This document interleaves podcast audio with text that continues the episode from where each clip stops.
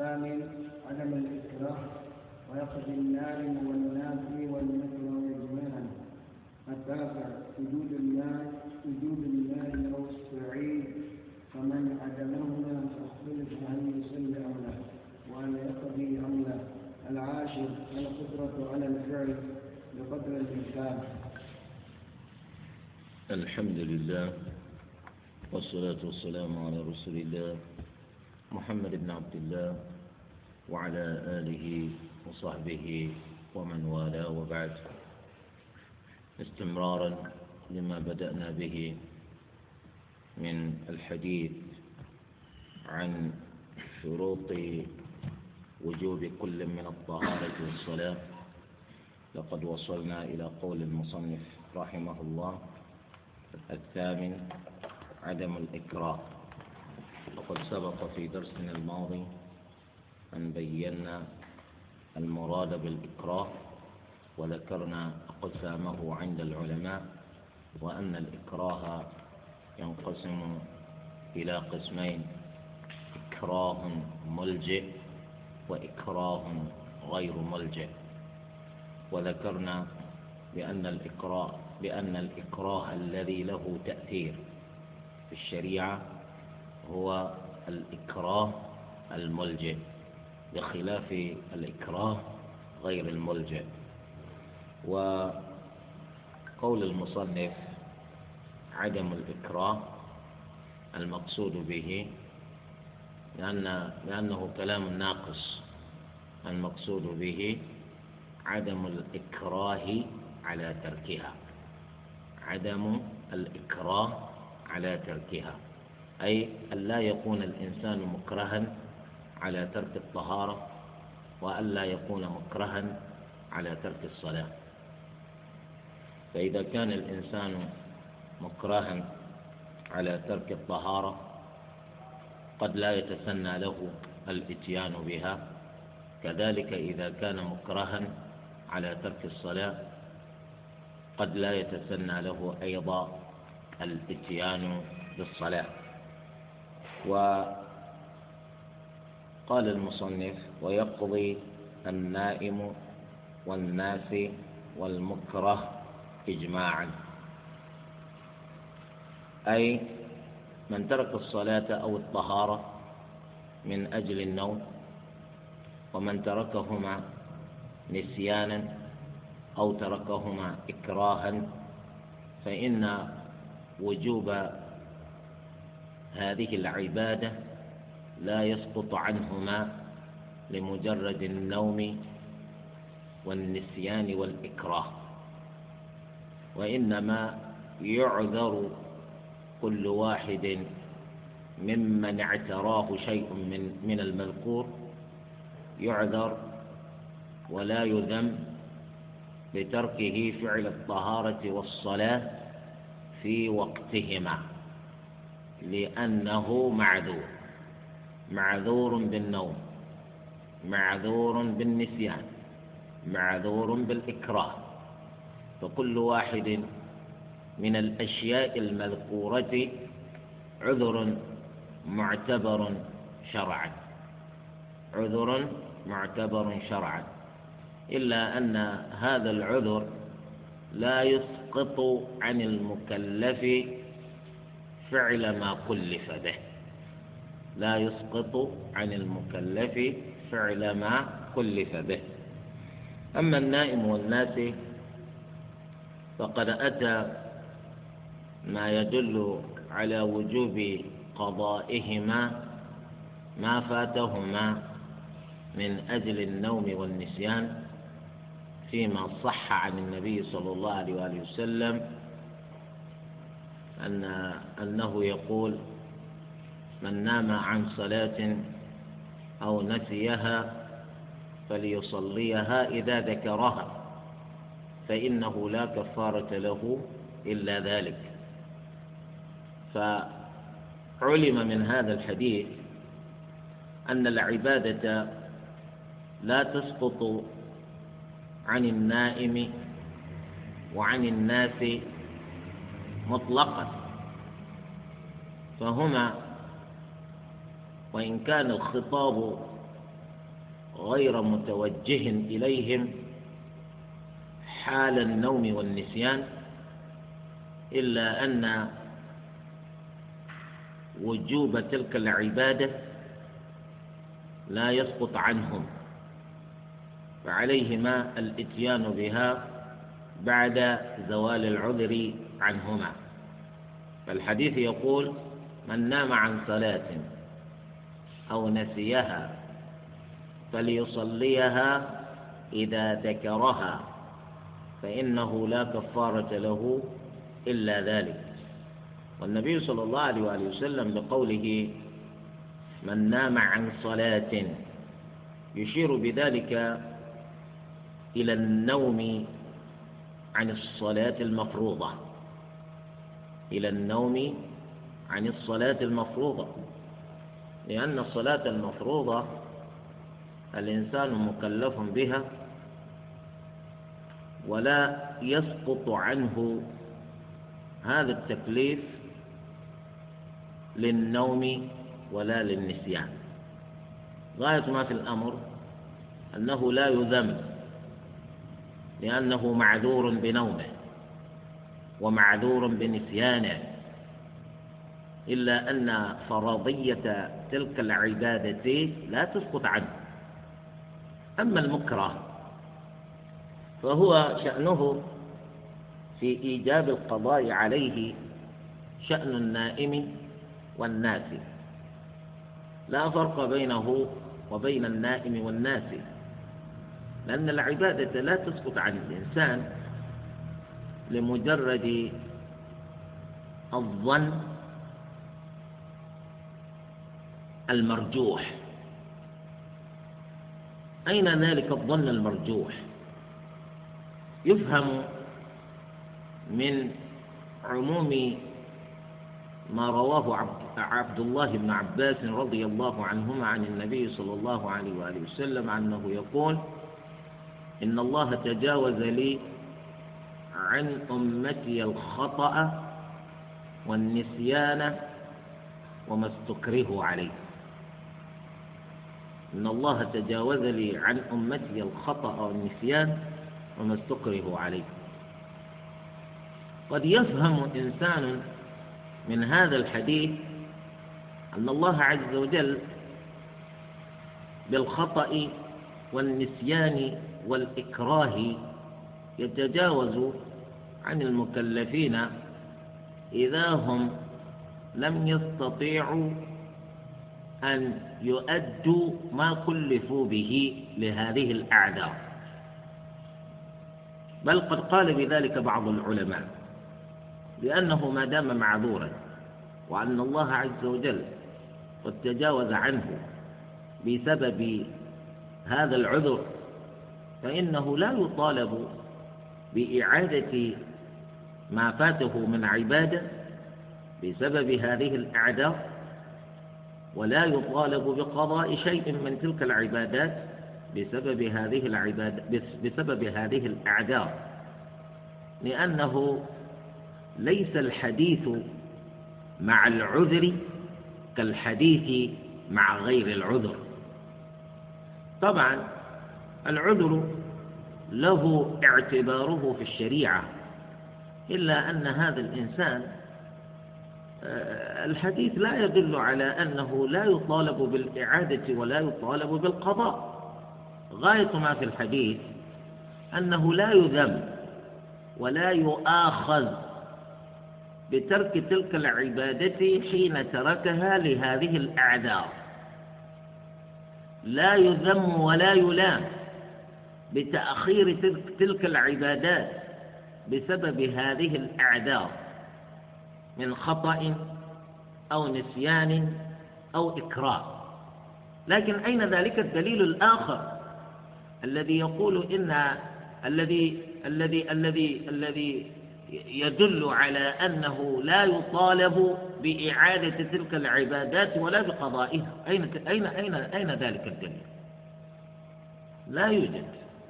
فلذلك إذا لاحظنا في هذا الحديث نجد أن النبي صلى الله عليه وسلم ذكر من هذه الأعذار النسيان.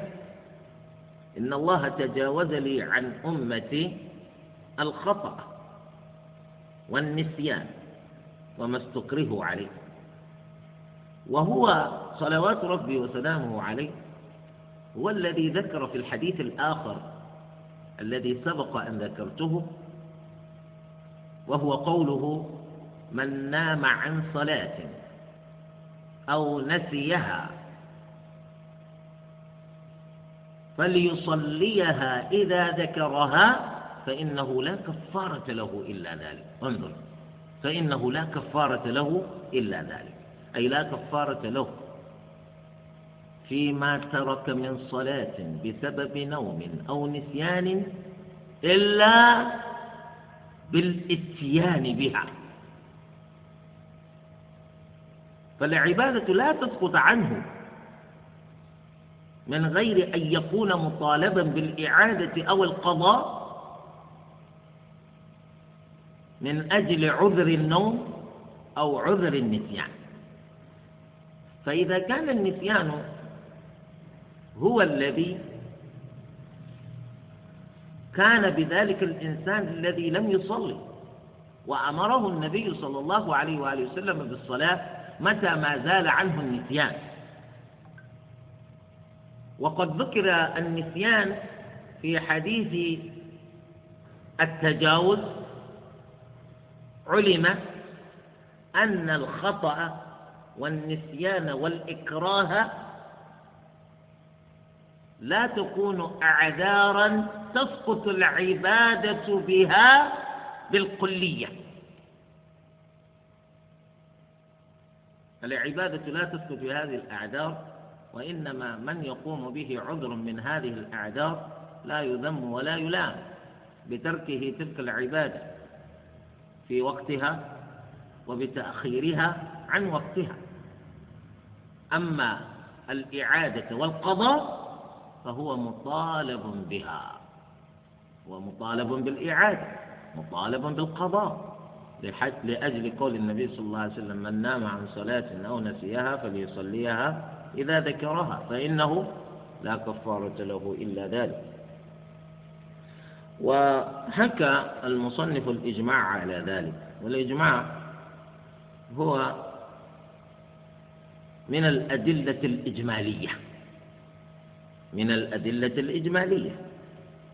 التي منها نستنبط الأحكام الشرعية. ومن الأدلة الإجمالية كذلك الكتاب والسنة. فيأتي الإجماع في المرتبة الثالثة. ثم يأتي القياس في المرتبة الرابعة. وما هو الإجماع؟ الإجماع في اللغة العربية هو الاتفاق. وأما في الاصطلاح الشرعي فهو اتفاق مجتهدي أمة محمد صلى الله عليه وآله وسلم في أي عصر من العصور بعد وفاته على حكم شرعي. أن يتفق العلماء المجتهدون العارفون بالأحكام الشرعية من أمة نبينا محمد صلى الله عليه وآله وسلم في أي عصر من العصور سواء أكان ذلك في عصر الصحابة أو فيما بعد عصر الصحابة.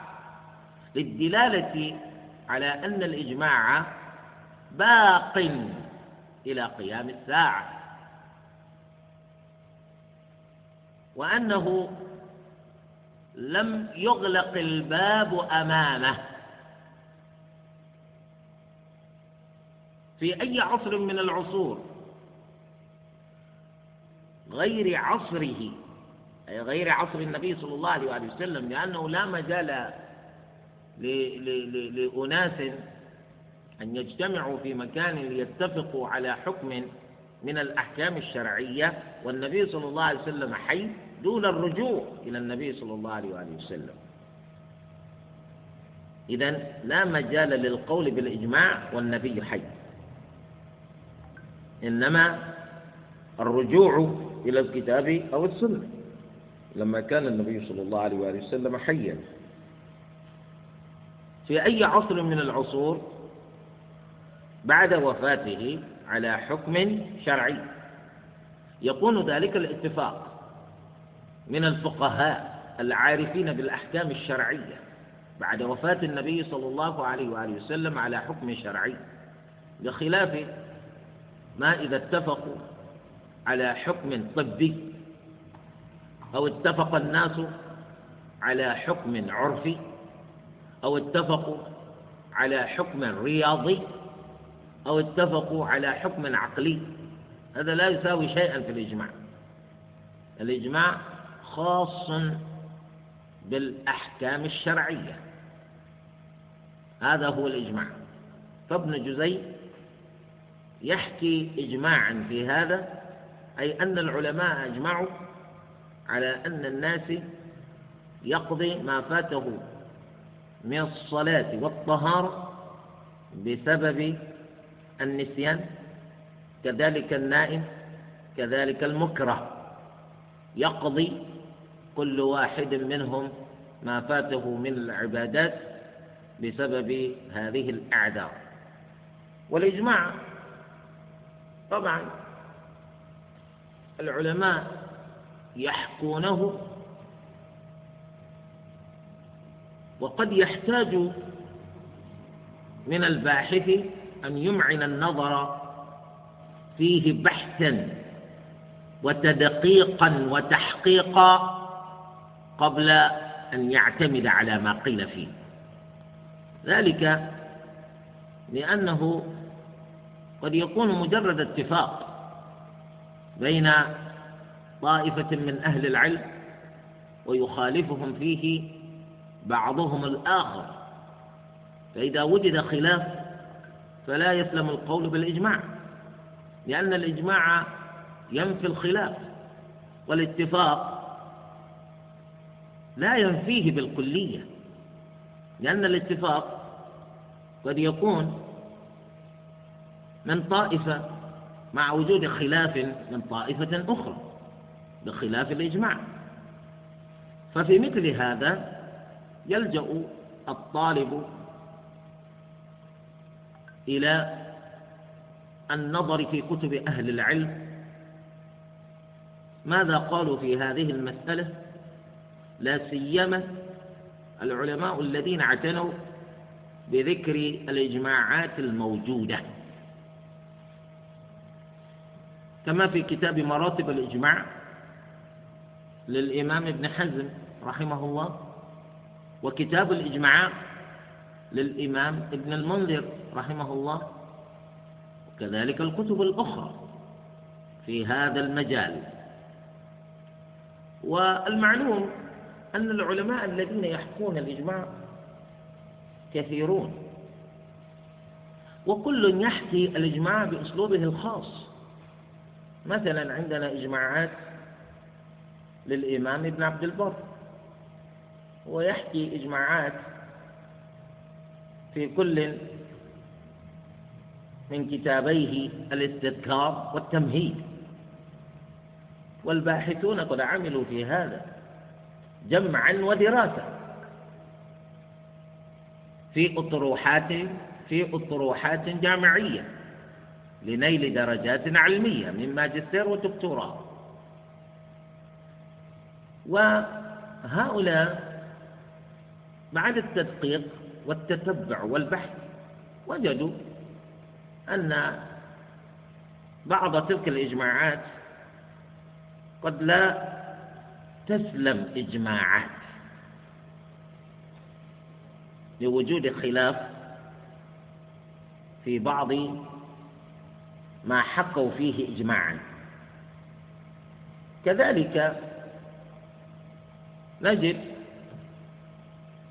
الإمام ابن قدامة رحمه الله في كتابه المغني يحكي إجماعات وهو ربما أحيانا يأتي بأسلوبه الخاص يقول هذا القول ثبت عن هذا الصحابي ولا نعلم له مخالفا في درجته فكان إجماعا فيكون إجماعا. وأحيانا يكتفي بقوله ولا نعلم فيه خلافا. فهل قوله لا نعلم فيه خلافا إجماعا هذا خلاف بين العلماء. على أي حال إذا حكى عالم من العلماء إجماعا في مسألة من المسائل فإننا حتى نجزم بما قال. لا بد أن نكون قد أجرينا تدقيقا وتحقيقا في أقوال أهل العلم في هذه المسألة. ثم الإمام ابن المنذر رحمه الله في كتابه الإجماع وهو كتاب مشهور جدا الإجماع لابن المنذر. هو قد يحكي إجماعا في مسألة من المسائل ولكنه يعود ليقول ولم يخالف في هذه المسألة إلا فلان. هو حكى إجماعا وحكى خلافا في نفس المسألة في وقت واحد. يقول أجمع العلماء على أن كذا وكذا وكذا وكذا. حكمه كذا وكذا وكذا. ولم يخالف في ذلك إلا فلان. إذا أين الإجماع؟ أنت تقول أجمعوا وأنت نفسك تقول خالف في ذلك فلان. فمع وجود الخلاف لا يسلم. ما حكيت فيه إجماعا إجماعا. فهذا كثير. ولذلك لو كتب الإنسان كتابا وذكر من بين ما كتب أن العلماء أجمعوا في هذه المسألة على كذا وعزى ذلك الإجماع إلى كتاب الإمام ابن المنذر. فعليك بكتاب الإمام ابن المنذر لترى ماذا قال. لأنه ربما يقول وخالف في هذه المسألة فلان. لكنه يصدر المسألة بقوله أجمعوا. ثم ينهي الكلام فيه بقوله وخالف فيها فلان. وربما الباحث هو يأتي بحكاية الإجماع دون أن يتطرق إلى ذكر من خالف في تلك المسألة. إثراء لكتابه لأنه يريد أن يرفع من شأن كتابه. لأنه إذا قال أجمعوا وخالف فلان واحد يقول ولماذا تذكر هذا؟ لماذا تذكر هذا؟ إذا هذا هو. التاسع من الشروط أي شروط وجوب الصلاة وشروط وجوب الطهارة وجود الماء أو الصعيد. لأن الإنسان الذي يريد أن يتطهر ويتأهب للصلاة يحتاج إلى الطهارة. والطهارة يحتاج الإنسان المسلم للإتيان بها إلى الماء. إن كان إنما يريد أن يغتسل أو يتوضأ ويحتاج إلى الصعيد إن كان إنما يريد أن يأتي ببدلهما وبدلهما كما هو معروف هو التيمم. أنت تحتاج إلى الصعيد. فبالتالي حتى تتطهر طهارة مائية أنت تحتاج إلى الماء. يقول ربنا عز وجل وأنزلنا من السماء ماء طهورا. وأنزلنا من السماء ماء طهورا. ولذلك الفقهاء يقولون لا بد أن يكون الماء الذي تتطهر به طهورا. لا بد أن يكون ماء طهورا. والماء الطهور هو الماء الطاهر في نفسه. المطهر لغيره. هو بنفسه طاهر. وله القدرة على تطهير غيره. هذا هو الماء الذي تتطهر به. ويقول العلماء بعبارة أخرى الماء الذي تستعمله في الطهارة يشترط فيه أن يكون ماء مطلقا. أن يكون ماء مطلقا. من أين أخذوا هذا؟ أخذوه من قوله عز وجل وأنزلنا من السماء ماء. ماء هذا مطلق. نكرة في سياق الإثبات. نكرة في سياق الإثبات فتكون مطلقة. أي لا بد للماء الذي تتطهر به أن يكون مطلقا. أي ليس معلقا به شيء. فإذا أطلق اسم الماء انصرف الذهن إليه. هل هذا ماء؟ نعم هو ماء. بخلاف ما إذا كان ذلك الماء ماء صابون أو ماء زيت أو ماء شاي. أو ماء الوردة. هذه مياه مقيدة ليست مطلقة. فالماء الذي تتوضأ به لا بد أن يكون مطلقا. والإطلاق نسبي لا سيما إذا نظرت إلى ماء البحر. هل هو ماء مطلق؟ لأنه ماء مالح. ولكننا نصفه بأنه مطلق. لأن ما فيه من تغير ليس بفعل فاعل وإنما هو كما خلقه الله. فهو بذلك يكون مطلقا. وهذا ينسحب وينطبق على الماء الآخر الذي تغير بسبب الموضع الذي هو فيه. بسبب الموضع الذي أوجده الله عز وجل فيه. كماء بحر كماء بئر أسود. الماء هذا أسود. لأنه تغير بسبب محله. كذلك كماء مطر كماء مطر أزرق. كأن أنزل الله عز وجل من السماء ماء أزرق. نقول له ماء مطلق. كذلك إذا كانت إذا كانت هناك نبتة تنبت على سطح الماء كالطحلب التحلب هذا يحدث في الماء تغييرا. وهذا التغيير ليس تغييرا طارئا. ليس تغييرا طارئا. هذا يعبر عنه الفقهاء بأنه تغيير بسبب بسبب المجاورة.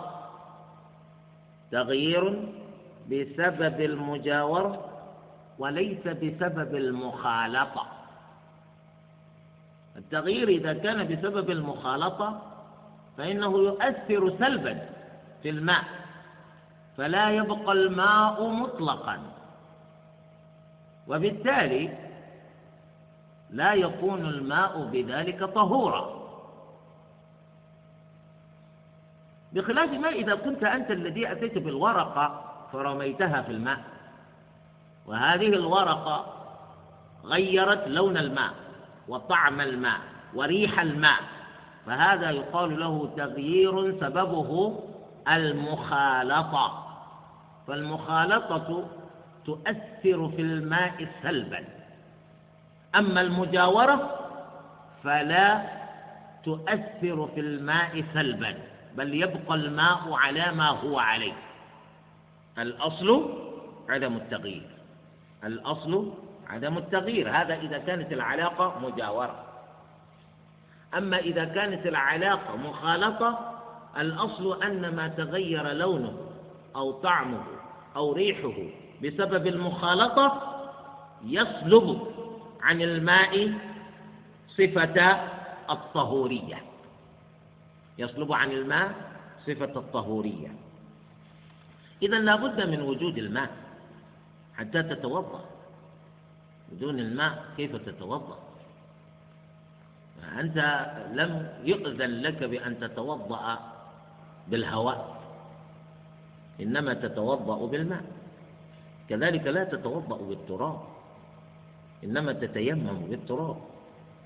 إذا الوضوء هذا يحتاج إلى الماء. إذا كان الماء إذا كان الماء غير موجود أو وجد الماء وتعذر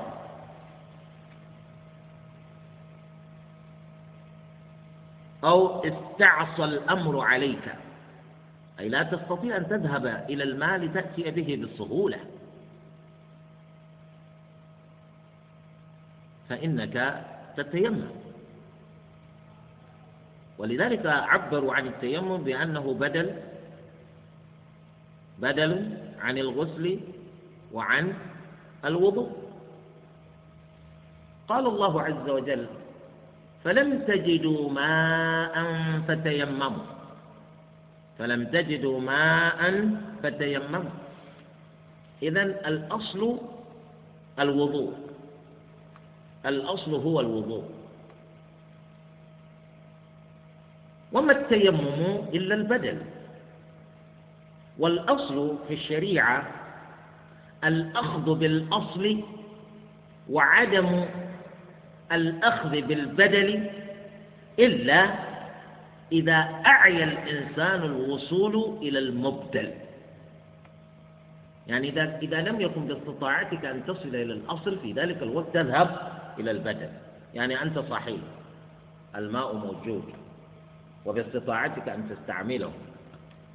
والماء في متناول يديك. إلا أنك أعرضت عن الماء وأخذت بالتيمم. نقول أنت تلعب.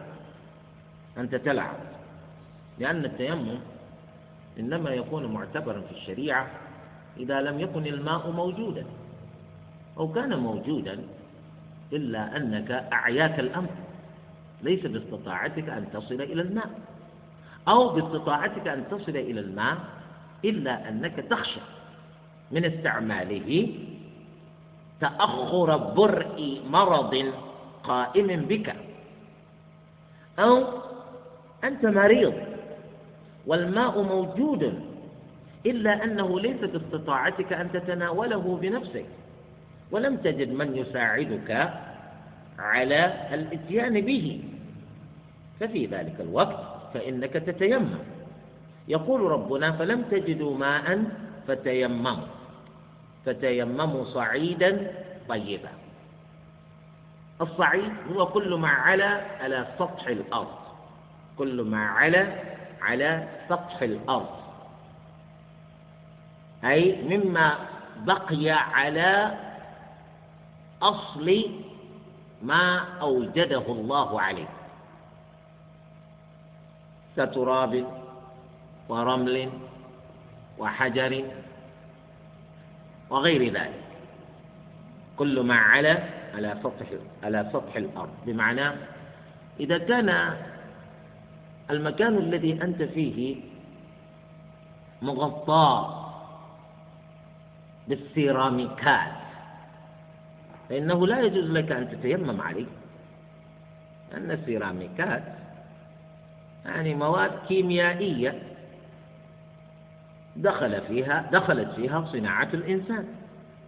كذلك إذا كان المكان مغطى بالإسمنت فإنه لا يجوز لك أن تتيمم به لأنه ما بقي على ما خلقه الله إنما قد دخلت فيه صناعة إنسان. فمثل هذا لا تتيمم به. قول ربنا عز وجل فتيمموا صعيدا طيبا وقلنا الصعيد هو كل ما على على سطح الأرض ليس كالعشب. يعني أنت تذهب إلى العشب وتقول أتيمم. تكون بذلك لعابة. تكون بذلك إنما تلعب. فلذلك نقول الأصل ألا يتيمم الإنسان إلا لطارئ. الأصل أن تتوضأ. الأصل أن تتوضأ. وكما نعلم أن الوضوء ليس خاصا بنا. ليس خاصا بنا. وإنما هو لنا كما هو لغيرنا قبلنا. الأنبياء الذين هم قبل نبينا محمد صلى الله عليه وآله وسلم كانوا وأتباعهم يتوضعون. فليس الوضوء خاصا بنا. أمة أمة محمد صلى الله عليه وآله وسلم لما ثبت في حديث أبي داود رضي الله عنه أن النبي صلى الله عليه وآله وسلم توضأ فغسل أعضاء وضوئه مرة مرة. فقال هذا وضوء من لا صلاة له إلا به. أي لا بد وأن يغسل الإنسان أعضاءه مرة مرة ليتسنى له أن يأتي بالصلاة. ثم توضأ. صلى الله عليه وآله وسلم مرتين مرتين وتوضأ ثلاثا ثلاثا وقال هذا وضوئي ووضوء الأنبياء قبلي. هذا وضوئي ووضوء الأنبياء قبلي. فمن زاد أو استزاد فقد تعدى وأساء وظلم. لا تزيد على ثلاث. وهذا الحديث ثابت. فبهذا وبغيره من الأدلة علمنا أن من قبلنا أيضا يتوضؤون. يتوضؤون. إنما الذي هو خاص بنا هو التيمم. التيمم هذا لا يوجد في من قبلنا. ولذلك النبي صلى الله عليه وآله وسلم لما ذكر في الحديث قال أعطيت خمسا لم يعطهن الأنبياء قبلي وذكر من بين ذلك وجعلت لي الأرض مسجدا وطهورا وفي رواية وتربتها طهورا. أي ليتسنى لنا التيمم بتربة الأرض. إذا تبين لنا هذا إذا المسلم يتوضأ هذا الأصل. متى يتيمم؟ يتيمم لعذر. وهل وهل الاستنجاء والاستجمار كالوضوء والتيمم؟ أو بينهما فرق؟ بمعنى أن نقول الأصل الاستنجاء ولا يلجأ الإنسان إلى الاستجمار إلا لعذر. هل هو كذلك؟ ليس الأمر كذلك. لأن لك أن تستجمر والماء موجود. لك أن تستجمر أي لك أن تستعمل الحجارة في إزالة ما في المخرجين من أذى مع أو ما يقوم مقام الحجارة.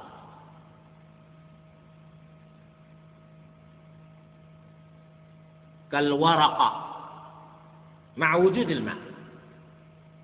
ولا يقول أحد إنما تستجمر إذا لم تستطع أن تستنجي. لا يقول أحد ذلك. إذا فرق بين هذا وبين الوضوء والتيمم. الأصل الوضوء. ولا يترك الإنسان الوضوء إلى التيمم إلا لعذر. وليس كذلك الاستنجاء والاستجمار. وليس كذلك الاستنجاء والاستجمار. إذ للإنسان أن يستجمر والماء موجود وهو قادر على استعماله في إزالة النجاسة.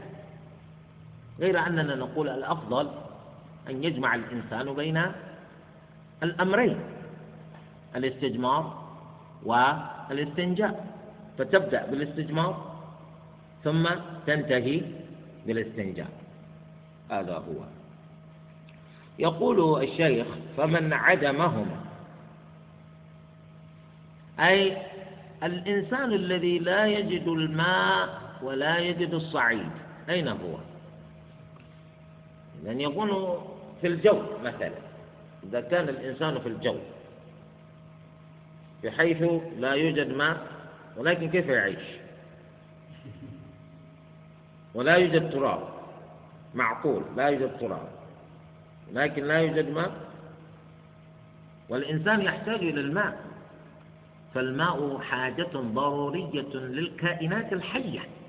بدون الماء لا تعيش الكائنات الحية. لنفرض أن الماء نفد في الطائرة. ولا تراب. وعلى قول الإمام الشافعي ولا غبار. كيف تفعل؟ خلاف بين العلماء. كذلك قد يكون على الأرض ولكنه يكون مسجونا أو يكون أسيرا.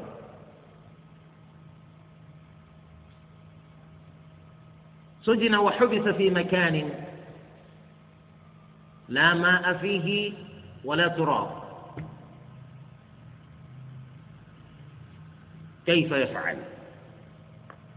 هل يصلي أم لا؟ من يقول يصلي يقول نعم يصلي لأن الله عز وجل يقول إن الصلاة كانت على المؤمنين كتابا موقوتا. كتابا موقوتا. وهذا الإنسان يصلي. الصلاة تحتاج إلى الطهارة. إنما كلامنا الآن في هل يجوز للإنسان أن يباشر الصلاة ولما يتطهر قبل. نقول بما أن الله عز وجل قد علق الصلاة فرضية الصلاة. بالوقت. نقول لا يجوز للمكلف يعني من يقول يصلي لا يجوز للمكلف أن يترك الصلاة لمجرد أنه لا يجد الماء أو الصعيد اللذين يتطهر بواحد منهما. يصلي حتى لا تفوته هذه الفريضة. لعموم قول الله عز وجل فاتقوا الله ما استطعتم. فهو يستطيع أن يصلي ولا يستطيع أن يتطهر. والقاعدة الشرعية أيضا تقول الميسور لا يسقط بالمعسور الصلاة ميسور. والطهارة معسور. والقاعدة تقول الميسور لا يسقط بالمعسور. إذا يصلي. يصلي كيفما اتفق على حاله. فاتقوا الله ما استطعتم. العلماء الآخرون يقولون لا يصلي. لا يصلي. لأن الله عز وجل يقول يا أيها الذين آمنوا إذا قمتم إلى الصلاة فاغسلوا وجوهكم وأيديكم إلى المرافق وامسحوا برؤوسكم وأيديكم إلى ال... وامسحوا برؤوسكم وأرجلكم إلى الكعبين. فعلق الله عز وجل الصلاة بالوضوء. فلا يجوز له أن يصلي بدون الطهارة. ثم الله عز وجل يقول فلم تجدوا ماء فتيمموا لم يتيمم لم يتوضأ لا يصلي. ولا يكون بتركه الصلاة عاصيا لأنه لم يترك الصلاة بمحض إرادته. وإنما تركها لأجل عدم وجود ما به يتأهب لها. وقد أمر شرعا بالتأهب لها وجوبا.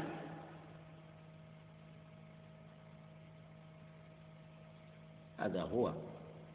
لكن العلماء الذين يقولون يصلي الذين يقولون يصلي اختلفوا هل يقضي أو لا يقضي. صلى بغير وضوء. صلى بغير تيمم. هل نمشي صلاته أو نقول عليه قضاء عليه قضاؤها إذا وجد الماء أو وجد الصعيد. خلاف بين العلماء. من قال لا يقضي. قال لا يقضي. لأنها صلاة أتى بها في حينها على ما في وسعه.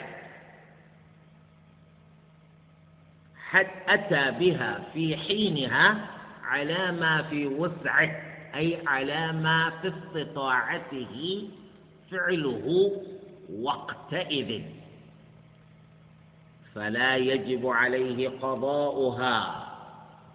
دليلها الصلاة عريانا عند عدم وجود ما يستر الإنسان عورته به.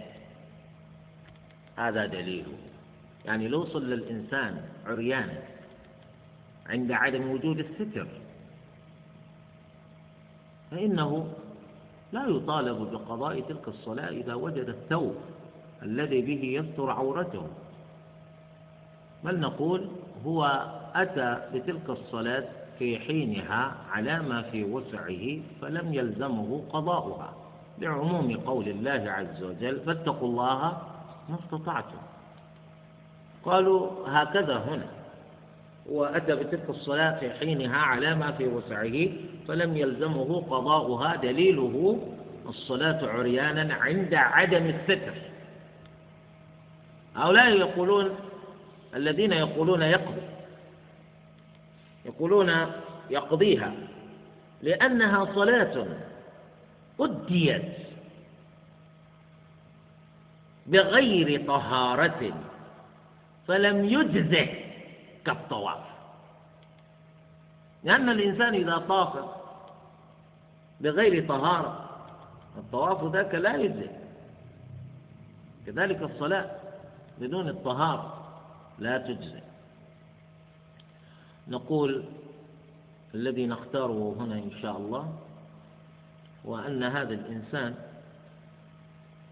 إذا بذل جهده واستفرغ وسعه للحصول على الماء أو الصعيد ولم يهتدي إلى أحدهما سبيلا وصلى على حاله فإنه لا يطالب بإعادة تلك الصلاة ولا بقضائها إذا هو وجد الماء أو الصعيد. لماذا؟ ذلك لأنه لم يأتي بالصلاة مع تخلف الطهارة بمحض اختياره. وإنما ذلك لعدم وجود الماء أو الصعيد. ثانيا وجوب المحافظة على أوقات الصلاة.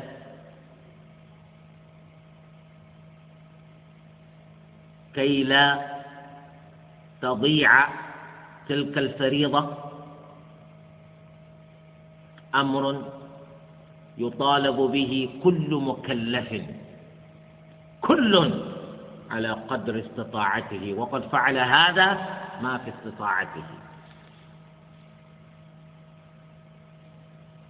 أن القول بإيجاب إعادة الصلاة عليه بعد وجود الماء أو الصعيد إلزام له بالإتيان بعبادة بعينها مرتين في اليوم وهذا ما لم يأمره الله عز وجل به. فيكون أتى بظهرين أو بعصرين أو بمغربين أو بعشاءين لا. الله إنما أمرك بعشاء واحدة بمغرب واحدة وبعصر واحدة وبظهر واحدة وبفجر واحدة. هذا هو. علما بأن هذه المسألة مفروضة فيما إذا لم يجد هذا الإنسان الماء ولا الصعيد إلا بعد خروج وقت تلك الصلاة. إلا بعد خروج وقت تلك الصلاة. أما إذا وجد الماء أو الصعيد والوقت لا زال باقيا نعم فهو يعيد. يعيد تلك الصلاة. كالمتيمم الذي تيمم لعدم وجود الماء وبينما هو في الصلاة إذا بالماء قد جاء. فإنه يعيد تلك الصلاة يتوضأ ويعيد الصلاة. وهو الصواب إن شاء الله. كذلك هذا الإنسان الذي صلى على حاله من أجل أنه ما وجد الماء ولم يجد الصعيد. إذا وجد واحدا منهما والوقت لا زال قائما فالواجب عليه أن يعيد تلك الصلاة. الواجب عليه أن يعيد تلك الصلاة. والله أعلم. ثم قال العاشر القدرة على الفعل. القدرة على الفعل. بقدر الإمكان.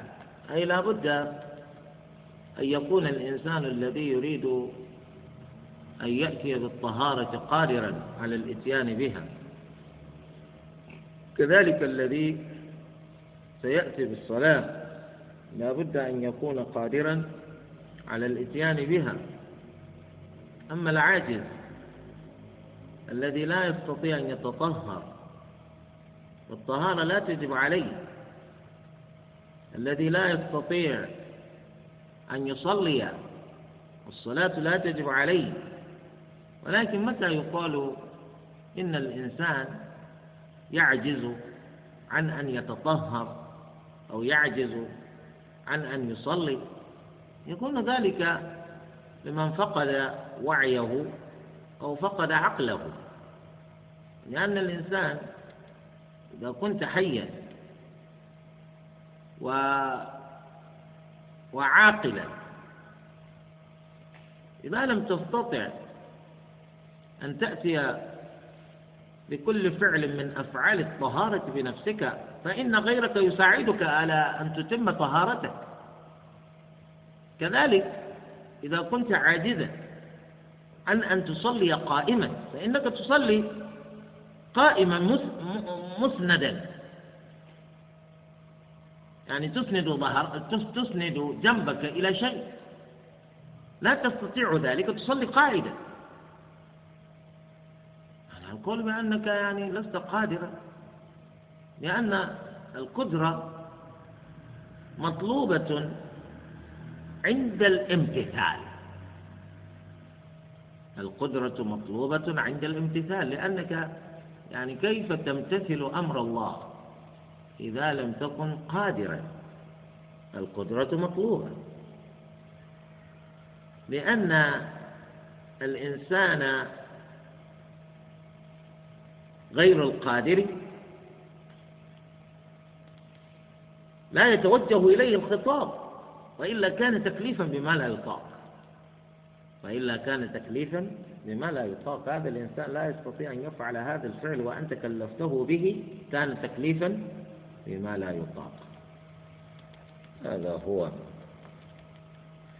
آه، إذا لاحظنا ما ذكره المصنف من قوله عند ذكره لهذه الشروط نجده ذكر أن من بين شروط وجوب الطهارة وشروط وجوب الصلاة. ذكر عدم النوم عدم النسيان عدم الإكراه. كذلك قبل ذلك ذكر ارتفاع دم الحيض والنفاس. وبعضهم يعبر عن ذلك بعدم الحيض والنفاس.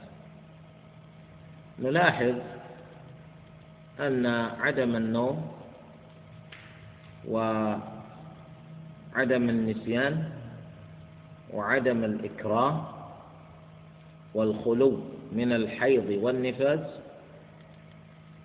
هي شروط هي شروط مخالفة لما عليه علماء الأصول. لا تنسون أننا في هذا الدرس إنما نتناول بالذكر شروط وجوب الطهارة والصلاة. معا.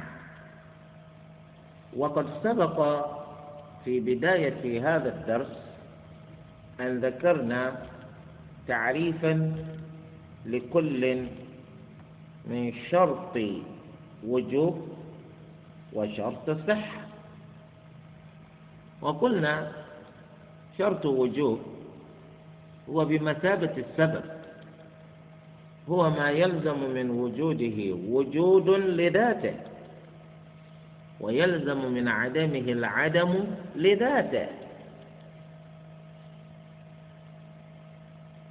وقلنا في تعريف شرط الصحة لأنه ما يلزم من عدمه العدم ولا يلزم من وجوده وجود ولا عدم لذاته. هذا عكس المانع.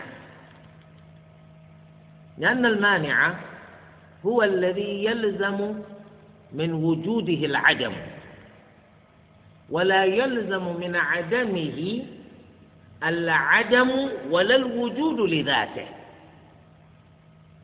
تعبير الفقهاء عن الشروط بعدم وبعدم وبعدم عدم النوم عدم النسيان عدم الإكراه الخلو من الحيض والنفاس. هذا تنزيل هذا تنزيل لعدم المانع محل الشرط. وهذا تسامح. تسامح. وإلا الشرط الأصل فيه أن يكون وجوديا. الأصل في الشرط أن يكون وجوديا. تقول مثلا دخول الوقت. الإسلام البلوغ العقل. هذا الأصل في الشرط. ليس أن تقول عدم النوم عدم النسيان عدم الإكراه الخلو من الحيض والنفاس.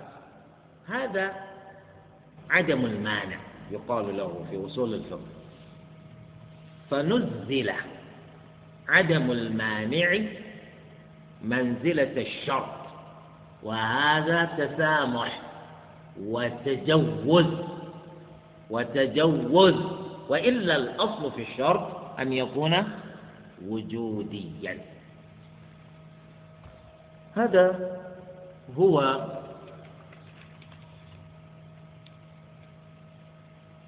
ما ذكره المصنف في باب شروط وجوب الطهارة.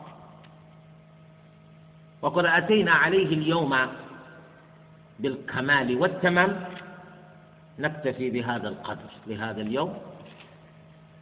فالحديث للحديث بقية في دروسنا المقبلة إن شاء الله.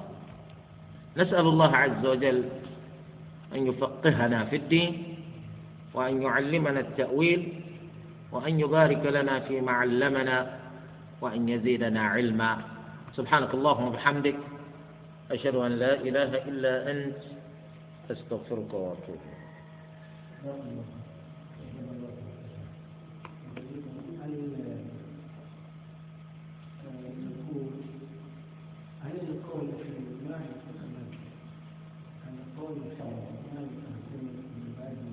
في ماء هل القول مع عصير؟ آسن الماء الآسن ماذا تقصد بالماء الآسن؟ أقول سؤالي هل القول بالماء تحلل كما درسنا الآن على أن الأمر بين هذا الماء تستخدم المداوره هل القول بهذا تحلل القول في الماء الماء الآسن إذا كنت تقصد به الماء الذي تغير بسبب المكان الذي وضعناه فيه. يعني أنت صببت الماء في البرميل صبة وهذا الماء تغير بسبب البرميل الذي صببت فيه الماء. علما بأنك لم تصب الماء في البرميل إلا بعد تنظيفه تنظيفا كاملا إلا أنه فوجئت بتغير الماء بسبب المكان الذي هو موضوع فيه. فالحكم في هذا الماء أنه طهور. لا يتغير فيه شيء. حكمه كحكم غيره من المياه المطلقة. هذا هو. أما التحلب ما التحلب؟ هذا الأصل فيه الطهارة أنهم يقولون ما فيه من تغير ليس بفعل فاعل. إنما الله هو الذي خلق الماء كذلك. نعم. عليكم السلام.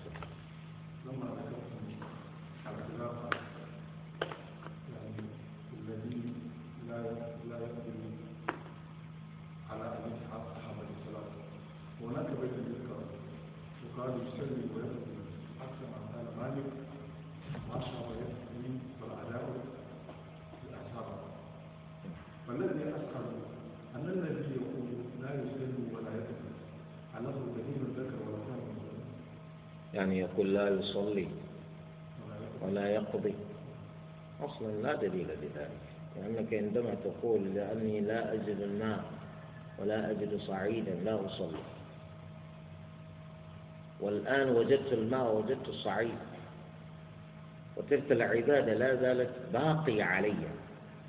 لماذا لا أقضي؟ أقضي. لأني ما تركت تلك الصلاة عمدا. أن العلماء الذين لا يجيبون قضاء على الذي ترك العبادة يعلقون عدم إيجاب القضاء عليه بالتعمد. لا يوجد دليل في هذه الشريعة لا يوجد دليل في هذه الشريعة يفهم منه إيجاب القضاء على من ترك العبادة عمدا. ولذلك هم يقولون تتبعنا في الشريعة واستقرأناها. فلم يجد فلم نجد فيها دليلا يوجب على أحد قضاء ما ترك من الصلاة عمدا. غاية ما في ذلك دليلا يوجب القضاء على من ترك الصلاة لعذر وهو حديث النبي صلى الله عليه وسلم من نام عن صلاة أو نسيها فليصليها إذا ذكرها هذا ترك الصلاة لعذر.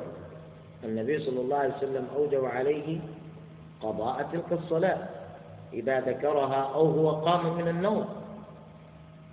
ولا يوجد دليل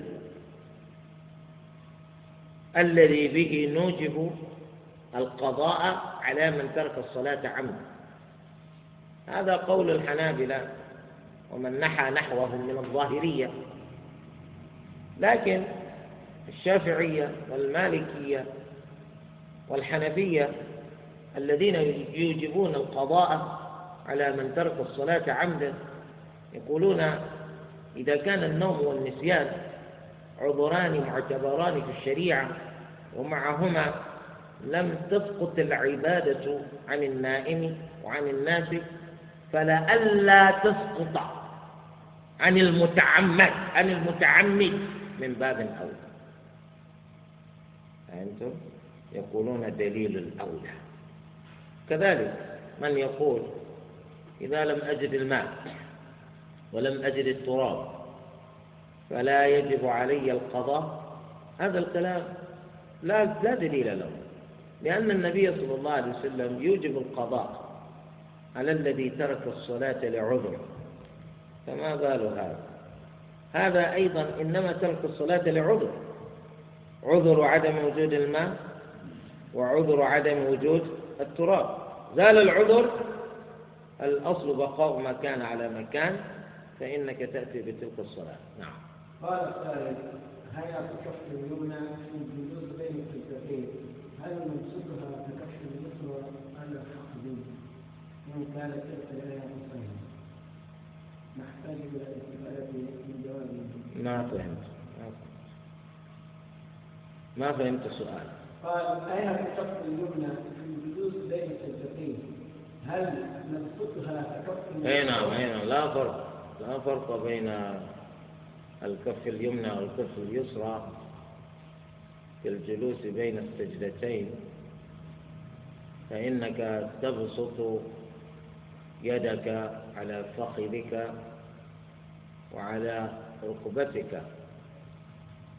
فإنك لا تقبض كهيئة من يتشهد. لا إنما تبسطهما بسطا إنما تبسطهما بسطا نعم. قال ذكر بعض أفراد العام بحكم يوافق العام لا يقتضي التخصيص ذكر. تعيد السؤال. ذكر بعض. ذكر بعض ذكر بعض أفراد العام بحكم يوافق العام لا يقتضي التخصيص. هذا هذا سؤال؟ أيوه. هذا هذا ليس سؤالا هذه قاعدة أصولية. أي ذكر بعض أفراد العام لا يقتضي التخصيص. يعني إذا ورد حكم من الأحكام وذكر في ذلك الحكم بعض أفراد العام فهذه الأفراد المذكورة لا يكون ذكرهم تخصيصا للعام. لا يكون ذكرهم تخصيصا للعام. مثل ما نقول هذا خرج مخرج الغالب. وما خرج مخرج الغالب لا مفهوم له. تماما بتمام. يعني مثلا الله عز وجل يقول ولا تأكلوا آه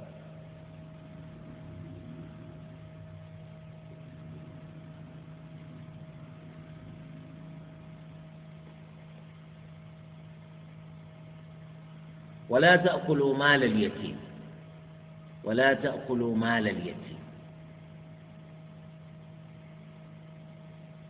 فالله عز وجل هل ينهى عن الأكل وحده أو ينهى عن إتلاف مال اليتيم بأي وجه من الوجوه؟ ينهى ربنا عن إتلاف مال اليتيم بأي وجه من الوجوه سواء كان ذلك أكلا سواء كان ذلك أه ولكن أغلب أوجه الاستفادة من المال هو الأكل. إذا ذكر بعض أفراد العام لا يقتضي التخصيص. نعم هل نقول لنائب من الناس ما فاته من باب ان ياتيه من باب هو يكون في حقه أداء. ولنا أن نعبر عنه بأنه قضاء لأنه لا يأتي به في وقته العام. أما في حقه هو فهو أداء. سبحانك اللهم وبحمدك أشهد أن لا إله إلا أنت.